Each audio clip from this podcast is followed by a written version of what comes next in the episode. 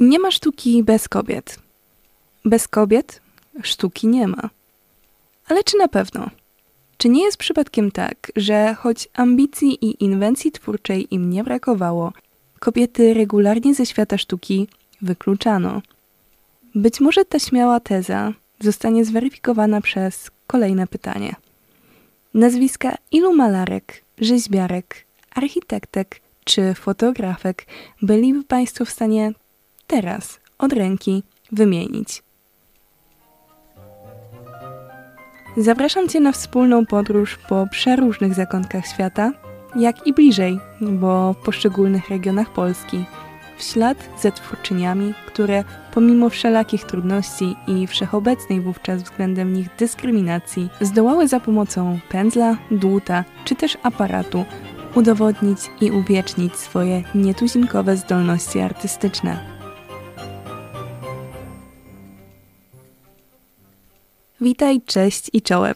Nazywam się Weronika Sadowska, a ty słuchasz właśnie mojej autorskiej audycji. Kobieta o kobietach w sztuce.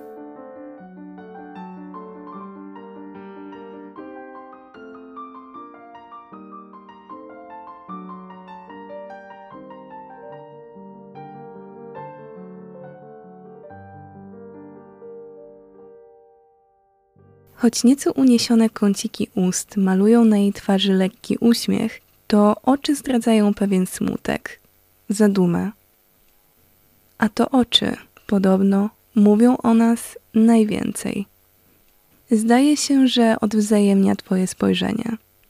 W melancholii, którą emanuje, jest coś dostojnego. Ubrana w ciemną, staromodną suknię, na którą narzucony został roboczy fartuch, Głowę unosi wysoko, a w dłoni dumnie trzyma narzędzie swej pracy. Pędzle, które zdają się być już nie byle przedmiotem, a istotną częścią samej artystki. Obserwując ją, utwierdzasz się w przekonaniu, że stwierdzenie, które nakreśliła kiedyś w liście do ojca, musiało być najszczerszą prawdą o niej samej. W chwili, kiedy nie będę mogła więcej malować, powinnam przestać żyć. Autoportret z pędzlem i kwiatami powstał około 1906 roku. Kolorystyka obrazu jest stonowana i subtelna. Przeważają barwy chłodne: błękit, biel, szarość, sepiowe odcienie. Kontrastują z tym zestawieniem natomiast jaskrawo czerwone kwiaty, przedstawione w dolnej części dzieła. Stanowią one wyrazisty akcent kolorystyczny. To nie kwiaty są tu jednak najistotniejsze. Sylwetka autorki obrazu zarysowana jest niedbałymi pociągnięciami pędzla. Niemal zlewa się z tłem, a jednak widać ją wyraźnie. Olga Helena Karolina Boznańska. Olga, Olinka, Mademoiselle de Boznańska. Kusi, żeby powiedzieć, że dziś nie odbiegamy daleko – że zostajemy w Krakowie. W końcu bohaterka dzisiejszego odcinka urodziła się 15 kwietnia 1865 roku właśnie w tym mieście. Niemniej jednak Boznańska nie czuła się specjalnie do Krakowa przywiązana. Czuła, że jej talent nie był tu doceniany. Gdy raz udało jej się z Krakowa wydostać, to potem już wrócić nie chciała. I rzeczywiście, do samego końca nic nie zdołało jej przekonać, aby zmieniła zdanie. Na wstępie już myślę, trzeba zaznaczyć, iż Olga Boznańska była osobą uprzywilejowaną, która pod kątem możliwości miała sporo szczęścia, bowiem dorastała w rodzinie dość zamożnej.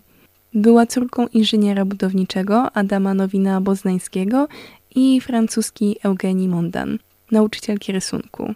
Mówi się, że talent i pasję do sztuki odziedziczyła właśnie po matce, która udzielała jej zresztą pierwszych lekcji mając wspierających i kibicujących jej wręcz na każdym kroku rodziców, którzy dostrzegli talent córki w jej bardzo młodym jeszcze wieku, Olga bez przeszkód mogła rozwijać swoje zamiłowanie do malarstwa i rysunku, kształcąc się pod okiem krakowskich mistrzów. Na wyższych kursach dla kobiet imienia Adriana Baranieckiego lekcji udzielali jej Hipolit Lipiński i Antoni Piotrowski. Ponieważ na Akademię Sztuk Pięknych wstęp mieli tylko mężczyźni, ojciec Olgi postanowił wysłać ją na nauki prywatne do Monachium, gdzie po paru latach wynajęła własne studio. To tam, jak sama w pewnym momencie stwierdziła, nauczyła się malować. Choć w Monachium żyło jej się dobrze i powodziło zawodowo, postanowiła jednak w 1898 roku przeprowadzić się do Paryża, uważając, że tylko tam będzie w stanie w pełni rozwinąć się jako artystka. Była przekonana o absolutnej artystycznej wolności, jaką to miasto byłoby jej w stanie zaoferować. Wystawiała dużo, nagradzana była często. Niemniej utrzymywać się do samego końca pomagał jej kochany ojciec. Olga, tak jak i jej młodsza siostra Izabela, która sama rozwijała się muzycznie, nie mogły narzekać na brak życzliwości ze strony rodziców. Być może ich relacja była bardziej skomplikowana, momentami nieco gorzkawa.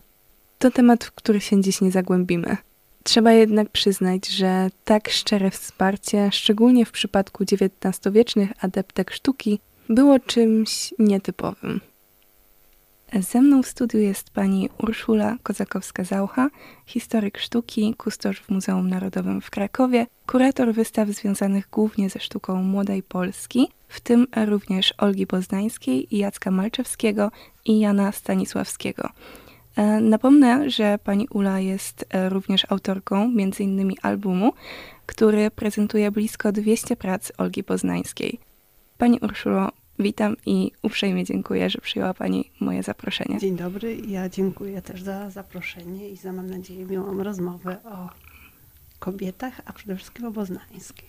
To zacznijmy może od następującego pytania. Jakie przeszkody stały kiedyś na drodze kobiety, która chciała profesjonalnie zajmować się sztuką?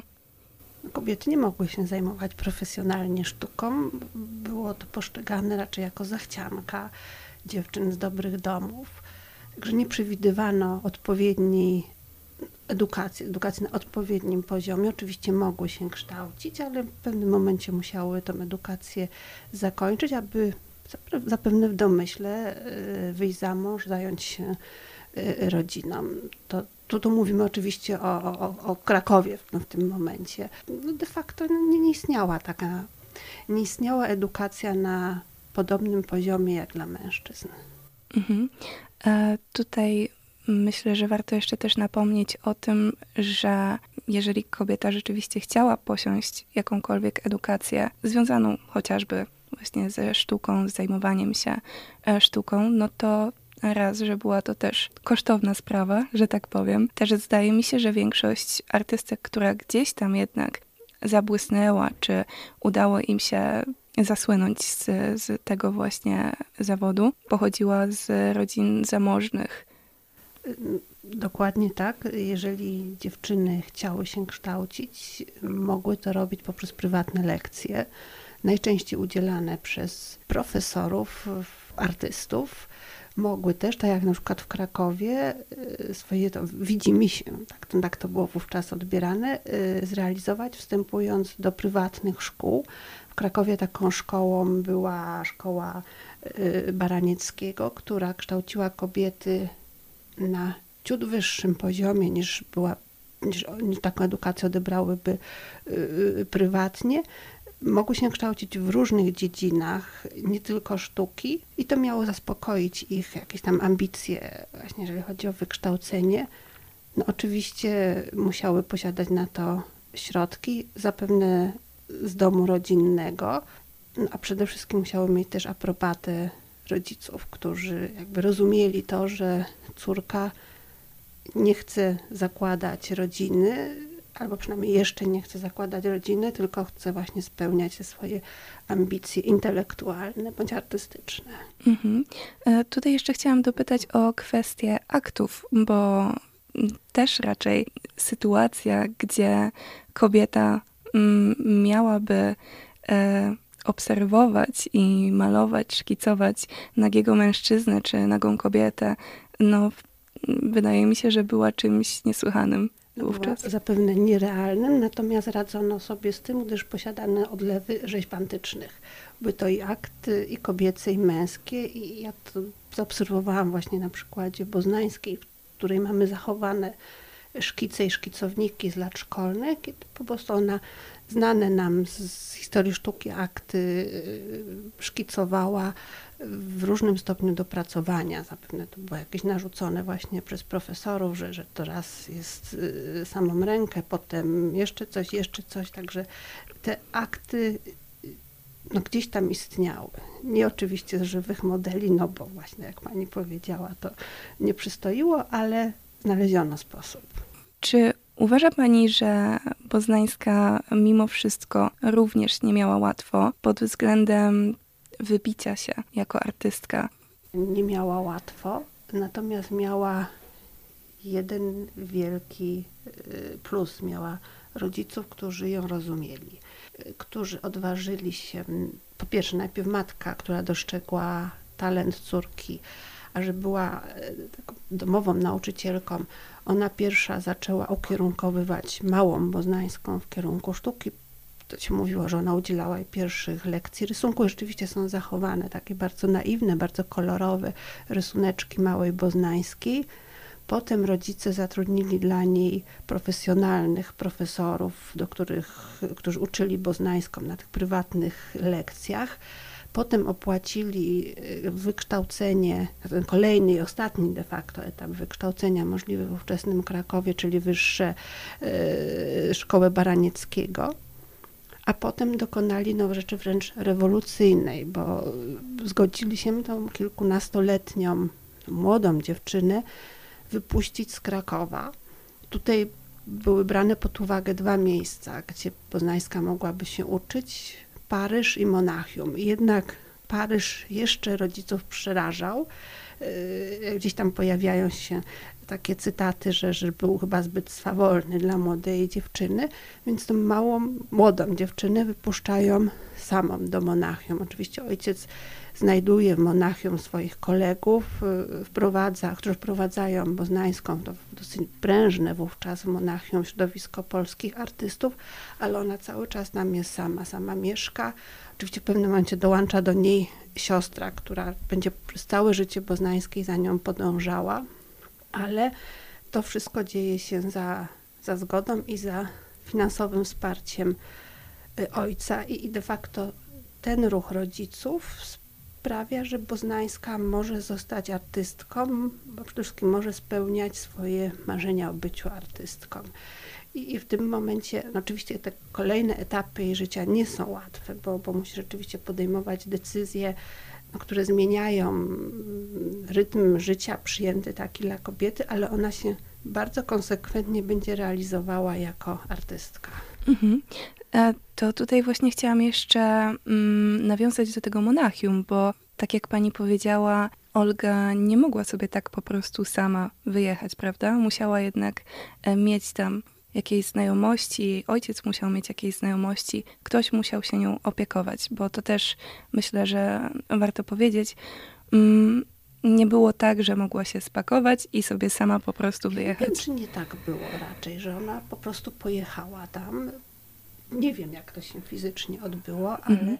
ta opieka, która była w Monachium, to raczej była taka opieka, że tutaj się spotykano na herbatkach, na, na jakichś spotkaniach. Y, mieszkała sama, sama prowadziła i sama była w swojej pracowni.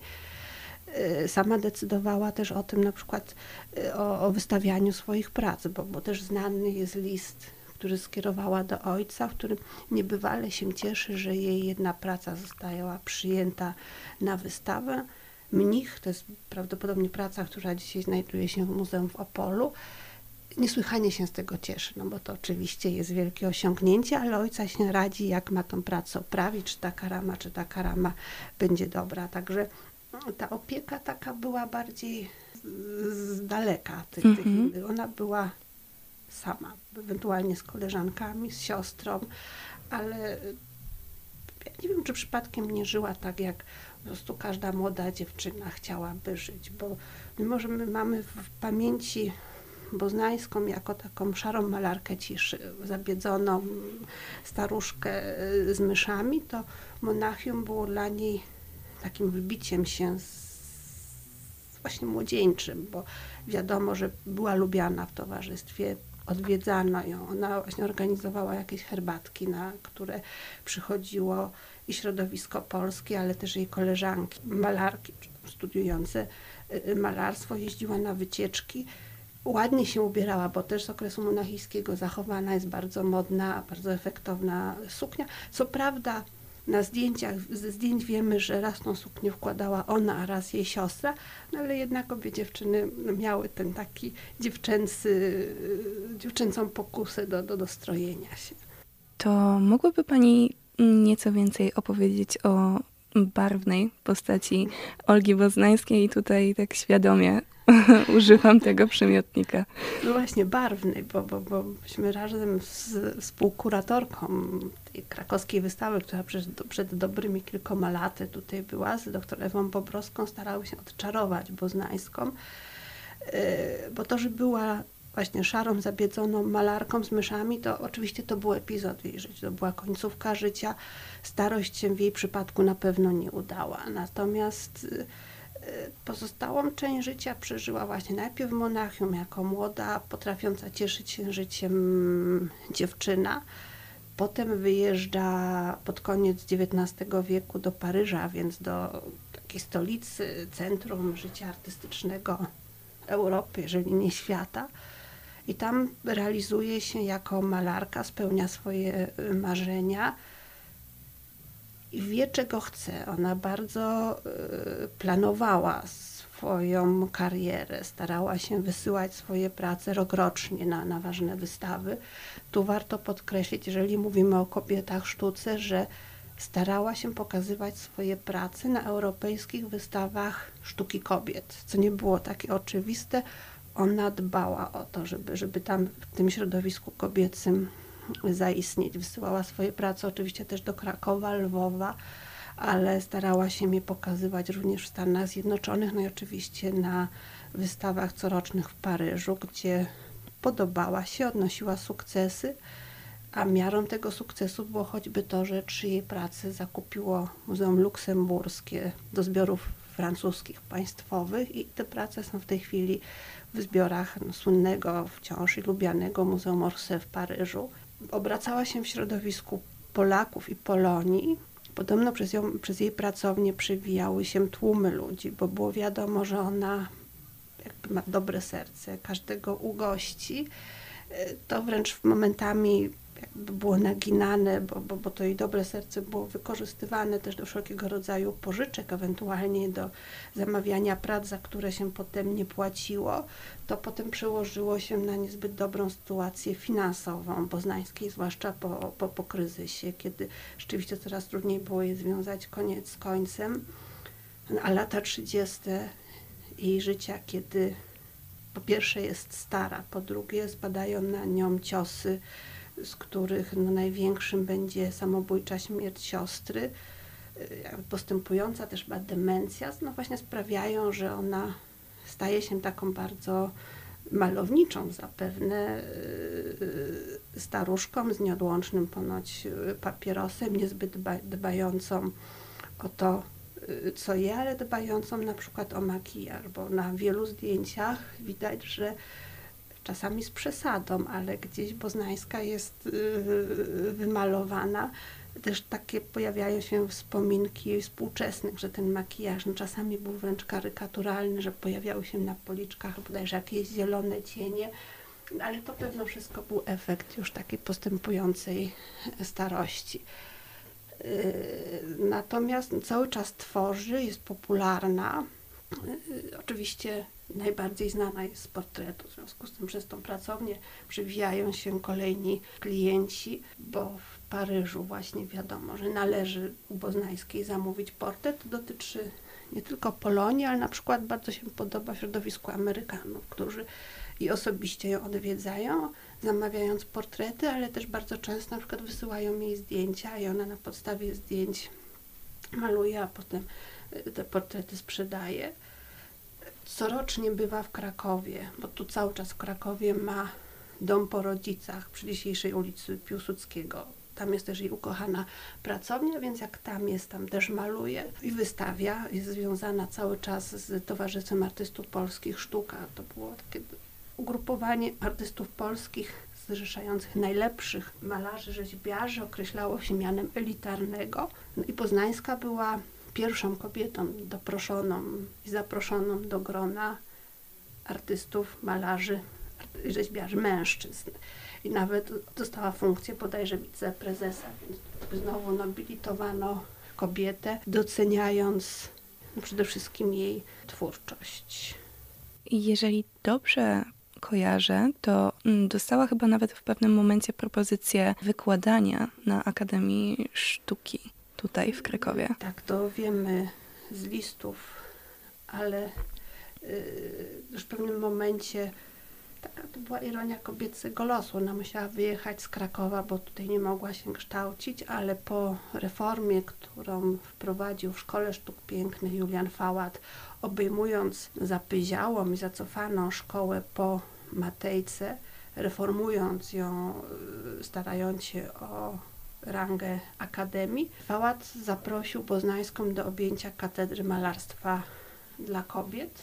Poznańska odmówiła i jest zachowany przepiękny list, który ona, dwa listy są zachowane. Jeden list, w którym odmawia Fałatowi, bardzo dziękuję za propozycję, która była dla niej zaszczytem i tak dalej. Natomiast do ojca pisze, że bardzo cieszy się, że mogła odmówić tej propozycji i pisze coś takiego, a w tej chwili dokładnie tego nie zacytuję, ale e, chodzi o to, że ona nie, nie po to się uczyła, żeby teraz wracać do Krakowa i uczyć jakieś tam zbyt ambitne dziewczyny e, malarstwa. Także tu znowu wychodzi charakter poznańskiej, no tej marzenia i ambicje, żeby samemu tworzyć. Ona w pewnym momencie mówi, że gdyby nie mogła malować, mogłaby już nie żyć, więc woli malować, woli być w Paryżu niż uczyć zakompleksione bodajże dziewczyny malarstwa. No właśnie, mnie osobiście bardzo fascynuje jej charakter, bo zdaje się, że z jednej strony, patrząc właśnie na fotografię jeszcze, czy jej autoportrety, mm, zdaje się być taką osobą, troszeczkę tak wycofaną, zdystansowaną, natomiast nie oziębłą, jeśli wie pani o co mi chodzi. Nie oziębłą, a przede wszystkim wiedzącą czego chce, potrafiącą postawić na swoim, realizować marzenia, poświęcając dla tych marzeń wiele, bo też tutaj jeszcze jeden aspekt kobiecości. Boznańska w Monachium poznaje Józefa Czajkowskiego, malarza, projektanta, architekta, para się zakochuje. Więc kolejny klasyczny przykład życia młodej y, dziewczyny.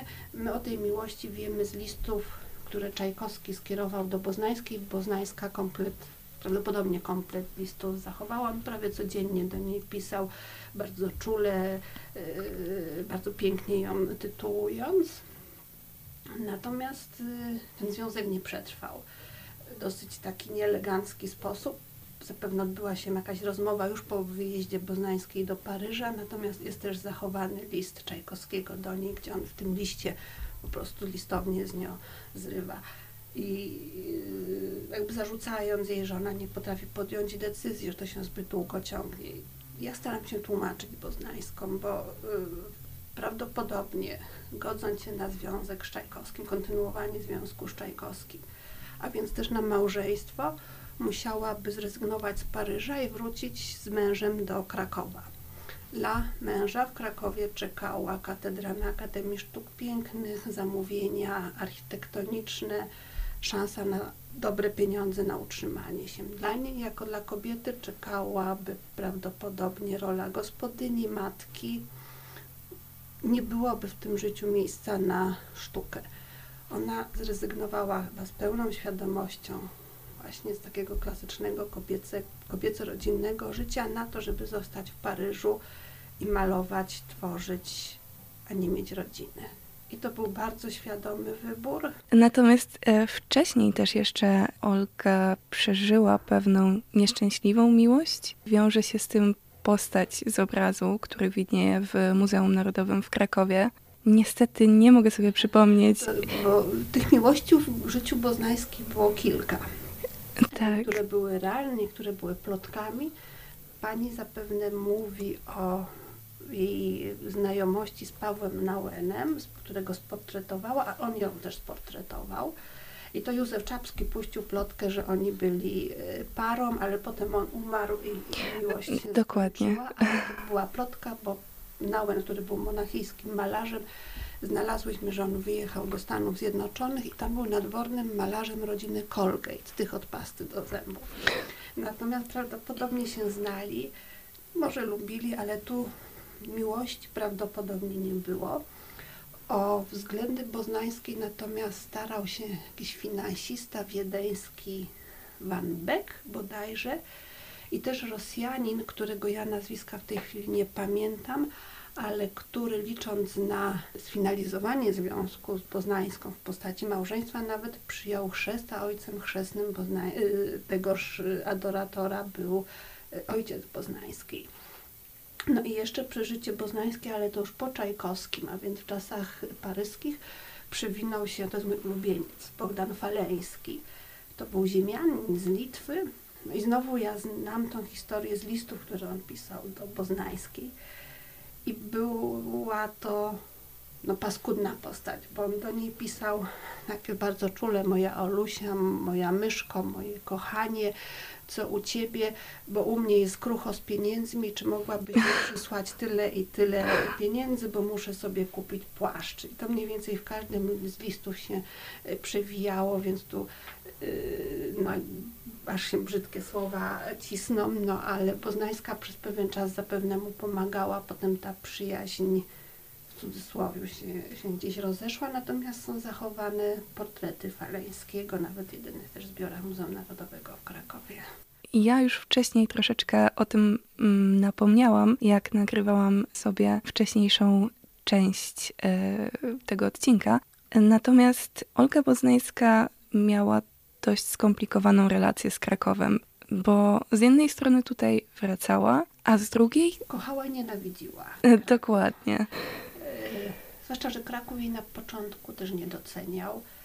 Yy, I Kraków, i Warszawa na pierwsze prace poznańskiej yy, zareagowało zdziwieniem, wręcz takimi krytycznymi uwagami. No właśnie. Nie doceniając jej kunsztu malarskiego wyniesionego z Monachium, z poglądania i tłumaczenia dla swojej sztuki, choćby prac yy, Whistlera. Yy, Kraków też irytował Poznańską. Ona o Krakowie chyba mówiła, że tutaj są same pijawki.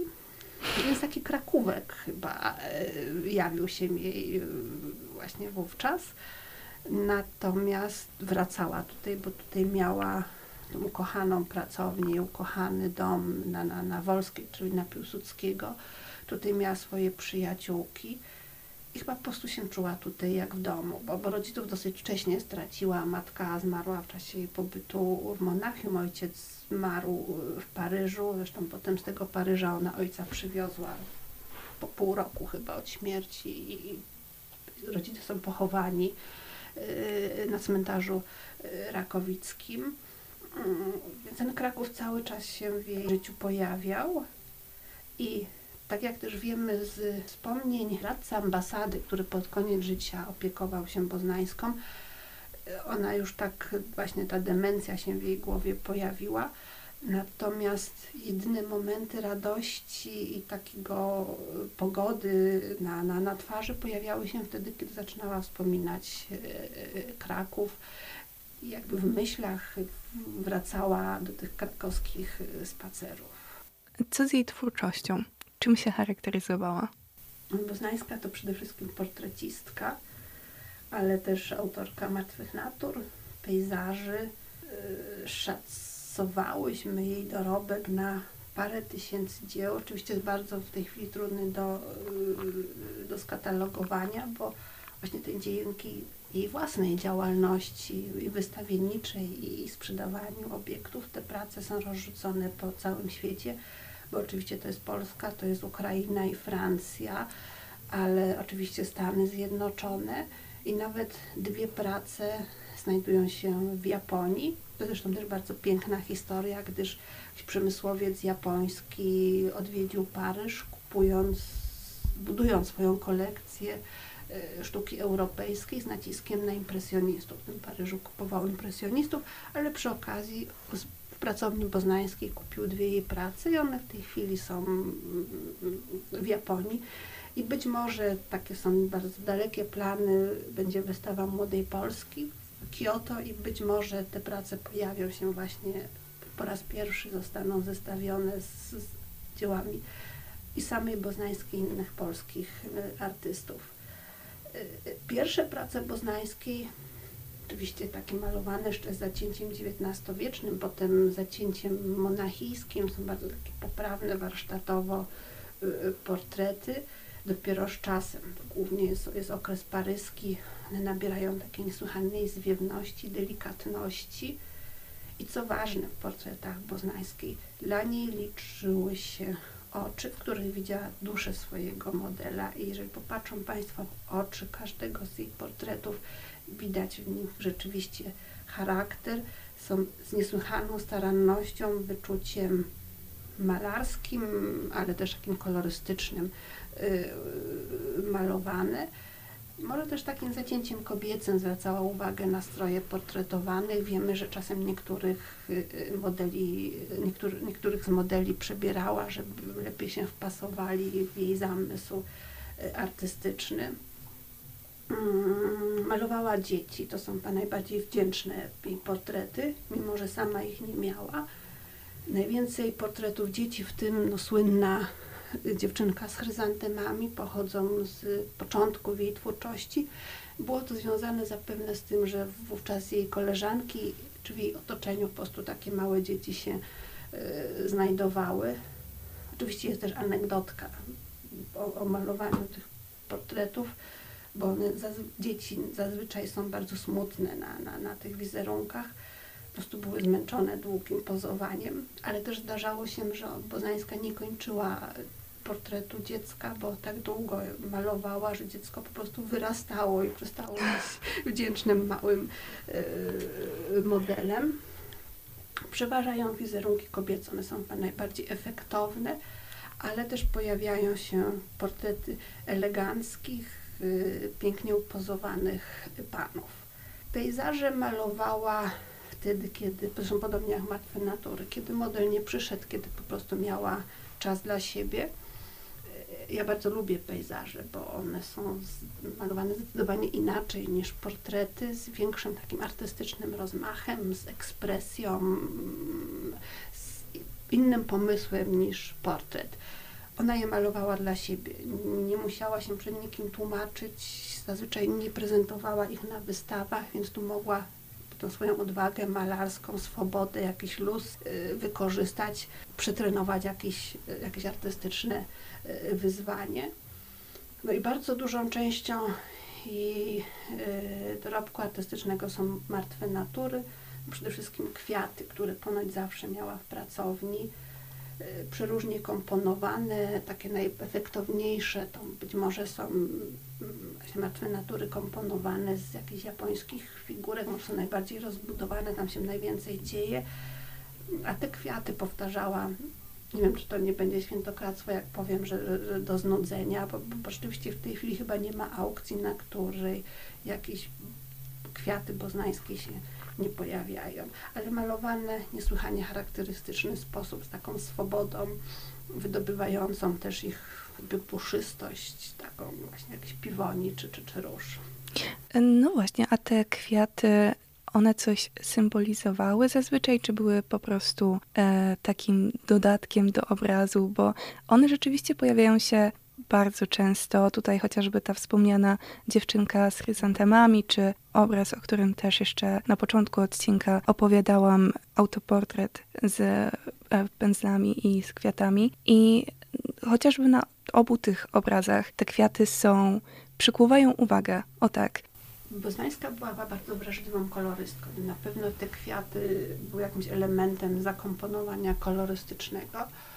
Oczywiście też my dokładamy w tej chwili i próbujemy to wyjaśniać w bardziej intelektualny sposób, choćby te kwiaty z dziewczynki z chryzantemami, łącząc z, z inspiracją przez artystkę drzeworytami japońskimi, gdzie, gdzie chryzantemy jako symbol nieśmiertelności i końca bardzo często pojawiają się. Mi się wydaje, że to jednak był z jej strony właśnie jakiś zamysł kompozycyjny, zamysł kolorystyczny, bo to właśnie były chryzantemy. W Poznaniu jest też przepiękna taka symfonia w szarościach, na której modelka trzyma czerwonego tulipana, więc też jest jakaś taka właśnie intrygujący punkt y, kolorystyczny. Natomiast te martwe natury, które tak masowo produkowała, to bardzo często były prezenty, które ona właśnie odwiedzającym ją e, tłumom ofiarowywała, e, czy były też elementem jakichś opłaceń, e, rachunków, więc tu raczej podtekstów doszukiwać chyba nie trzeba. Mhm. No właśnie, tak jak pani powiedziała, um, Olga Boznańska myślę, że słynie głównie z portretów. Często właśnie jest określana jako no, portrecistka. Ona chyba sama nawet tak się określała, jeśli się nie mylę, przeważnie. Natomiast pojawiają się te martwe natury, pojawiają się też obrazy, które przedstawiają widoki chociażby z okna. Wnętrza pracowni. To jest Właśnie. jeden temat, który umknął nam. Natomiast ona nigdy nie wychodziła, prawda? Nie... No nie można powiedzieć, że nigdy No tak.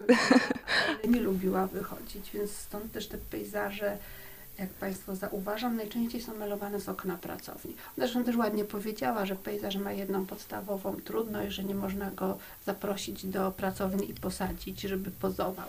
Więc ten pomysł z malowaniem go z okna no, był idealny.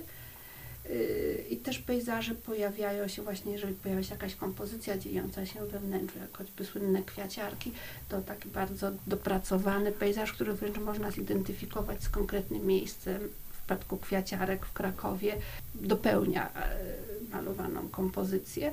Czasami są to też bardzo nowoczesne ujęcia, bo jedną z pracowni paryskich miała na pierwszym piętrze, gdzieś na, na jednym z wyższych pięter i, i malowała widok y, widziany z góry w, w kierunku chodnika Zresztą na tym pejzażu pojawiają się tramwaje i Ewa Bobrowska idealnie mogła ten pejzaż zadatować, wiedząc kiedy dana linia tramwajowa pojawiła się w Paryżu i znając mniej więcej czas, kiedy Boznańska zmieniała pracownię i, i, i rzeczywiście on pomógł w jakichś tam datacjach w życiu boznańskiej. Dlaczego Olgę Boznańską określa się dość często jako malarkę ludzkich dusz albo malarkę ciszy. Przypuszczam, że to gdzieś tam też wiąże się z wyborem palety kolorów. W stosunku do boznańskiej pojawia się to określenie, określenie szara malarka ciszy, czyli rzeczywiście artystka malująca portrety, na które patrzymy, patrzymy w oczy tym modelom, widzimy ich duszę, widzimy ich nastrój, charakter, bo tak jak mówiła, właśnie twarz i oczy mówią dużo o modelu. Do tego dochodzi właśnie to wrażenie kolorystyczne. To są prace malowane na tekturze, wykorzystujące w jakichś tam przetarciach właśnie kolor podobrazia, taki brązowo-beżowy kolor tektury, w bardzo eleganckich, stonowanych, zestawionych tak delikatnie barwach. Natomiast y, to nie do końca jest prawda, bo korzystając z dobrodziejstw współczesności, kilka lat temu ta symfonia w szarości bieli, czyli dziewczynka z chryzantemami, została przepadana przez konserwatorów i okazało się, że ona malowana jest prawie dwudziestoma różnymi barwami. Patrząc widzimy dziewczynkę w szarej sukience z białymi chryzantemami, z czerwonymi ustami a nie do końca tak jest. Tam rzeczywiście no, cała paleta barw tak doskonale zestawiona, że sprawia wrażenie y, szarości. A jak to jest z Olgą Poznańską i z impresjonizmem? Ona działała w Paryżu wtedy, kiedy i patrzyła na impresjonistów, patrzyła na intymistów. Natomiast ona chyba nie lubiła być z nikim porównywana, oczywiście pojawiały się jej jakieś bliskość jej prac, pracami Eugene Carriera, inspirację Whistlerem, ale ona wolała pozostać sobą. Oczywiście jak w momencie, jak znalazła ten swój styl malarski, była mu wierna i co ważne, ona tworzyła do lat 40. Była mu wierna do końca swojej twórczości. Nie patrzyła na to, co działo się, na te wszystkie kubizmy, dadaizmy, to jakby nie istniało. Także przypuszczam, że właśnie ona była sobą, ani impresjonistką, ani intymistką. Nie lubiła się wpisywać w ramę. Wpisywać malowała to, co jej dusza podpowiadała. Mhm. Ale inspirowała się jakimiś artystami konkretnymi, bo tak jak tutaj pani wspomniała, e, gdzieś tam też mm, No, widać. Mhm. W przypadku jej twórczości porównania, nie wiem na ile one były świadome, ale wiadomo, że fascynowały ją portrety Velasqueza, które jeszcze oglądała jako dziecko, a potem gdzieś pewno i w Monachium, czy w Paryżu, czy podczas swoich podróży miała okazję się z nimi zetknąć. W Paryżu mogła obserwować malarstwo Carriera. Na pewno wystawiała i na pewno znała twórczość Whistlera i zwłaszcza w jej pierwszych pracach y, właśnie ta, takie operowanie szarościami, bielami, ono jest łączone z inspiracjami Whistlera. Oczywiście pojawiają się też trendy japońskie, to co było na początku XX wieku niesłychanie modne wśród artystów europejskich, y, inspiracje drzeworytami japońskimi, zarówno w treści, na przykład Boznańska się przebierała w jakieś stroje przypominające y, kimona japońskie, fryzowała y, no, takie fryzurki właśnie przypominające fryzurki japońskie, ale też pod względem budowy kompozycji, zakomponowania, nie wiem, choćby pejzaży malowanych czasem przez jakąś taką kratownicę y, y, y, gałęzi. To się właśnie łączy też z patrzeniem na rozwiązania stosowane przez japońskich drzeworytników. Olga Poznańska jest znana, myślę, jako jedna z mm, najbardziej rozpoznawalnych artystek okresu młodej Polski. I chciałabym też chwilkę o tym porozmawiać. Wiem, że może to być trudne, ale czy byłaby Pani w stanie zdefiniować w ogóle to pojęcie młoda Polska? Czym się charakteryzowało, jeśli chodzi o, o sztukę? Zaczynając od najprostszej rzeczy, y, sztuka od końca więcej XIX wieku do wybuchu I wojny światowej. To są najczęściej takie granice, ale to jest sztuka odwracająca się od tego, co było w XIX wieku, od historyzmu. Sztuka patrząca na uczucia, emocje, y, barwę, gry barw, wreszcie sztuka sięgająca może nie zawsze w przypadku poznańskiej, ale do, do, do symboliki, poprzez symbole starająca się wyrazić czy uczucia, czy też troszeczkę inaczej niż to było w historyzmie, tłumaczyć jakieś sprawy historyczne. No to jest oczywiście typowe dla nieistniejącej wówczas na, na mapach Europy y, y, Polski. Y, Poznańska wpisuje się jak najbardziej w tą epokę, właśnie sięgając w głąb duszy człowieka, zastanawiając się nad jego charakterem, nad jego uczuciami, nad emocjami.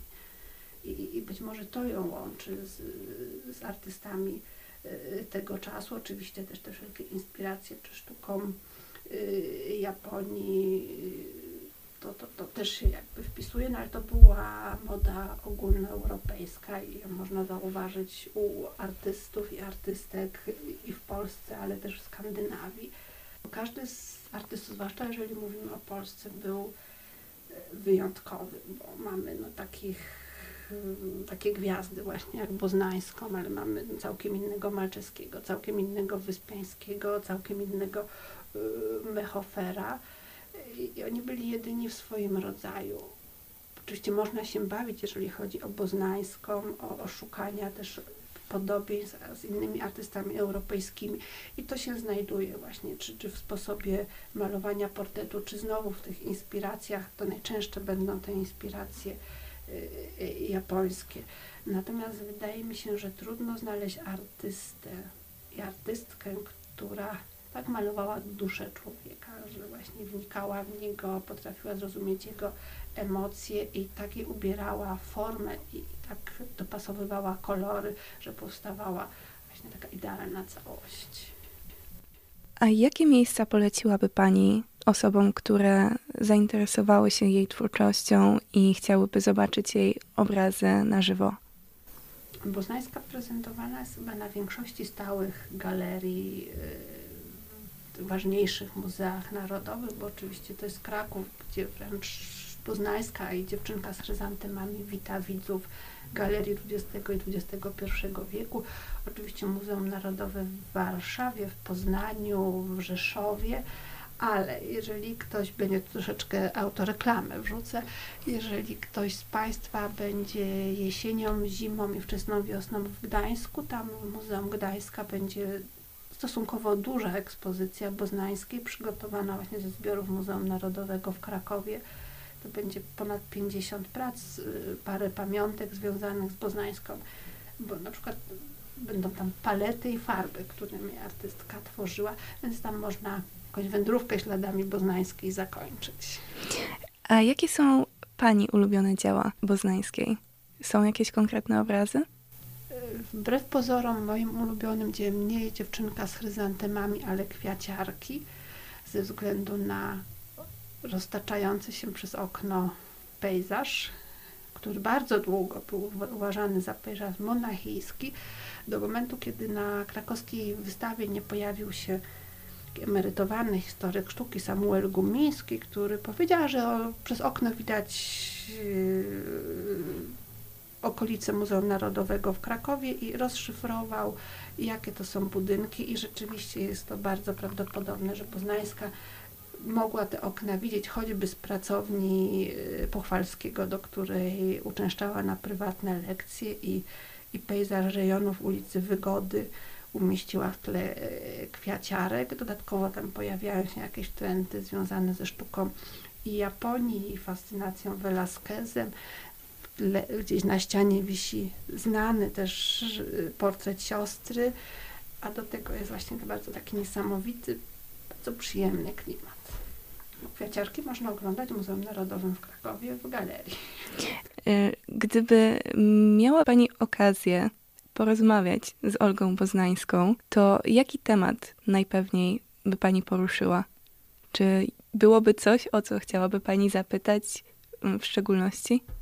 Co artystka miała na myśli, ale intryguje właśnie ta jej ambicja, czy to rzeczywiście tak to odczytujemy, że, że poświęciła swoje życie, żeby być artystką, czy jakieś inne powody pojawiły się w tym, że, że właśnie zrezygnowała de facto z Krakowa, dlaczego z tego Krakowa zrezygnowała, y, czy rzeczywiście Paryż był tym najbardziej upragnionym miejscem y, do życia i, i, i jak, to, jak to życie odbierała, czy rzeczywiście to było, to było jej marzenie, żeby mieszkać w tak trudno wyglądającej pracowni, bo my tą pracownię znamy ze zdjęć i, i, de facto od obrazu do obrazu, w pewnym momencie bardzo skrupulatnie licząc pieniądze. Czy o to chodziło? Czy, czy to było rzeczywiście spełnienie marzeń? Mhm. Dobrze. Dziękuję uprzejmie. Przypomnę, że moim gościem była pani Urszula Kozakowska-Zaucha. Jeszcze raz serdecznie dziękuję za przyjęcie mojego zaproszenia i za tak ciekawy wywiad i tak ciekawe odpowiedzi. Ja też dziękuję i nieustannie zapraszam do muzeum na oglądanie boznańskie, ale nie tylko.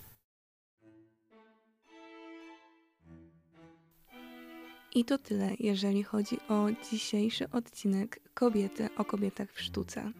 Mam nadzieję, że dowiedzieli się Państwo czegoś nowego, czegoś ciekawego. Do usłyszenia.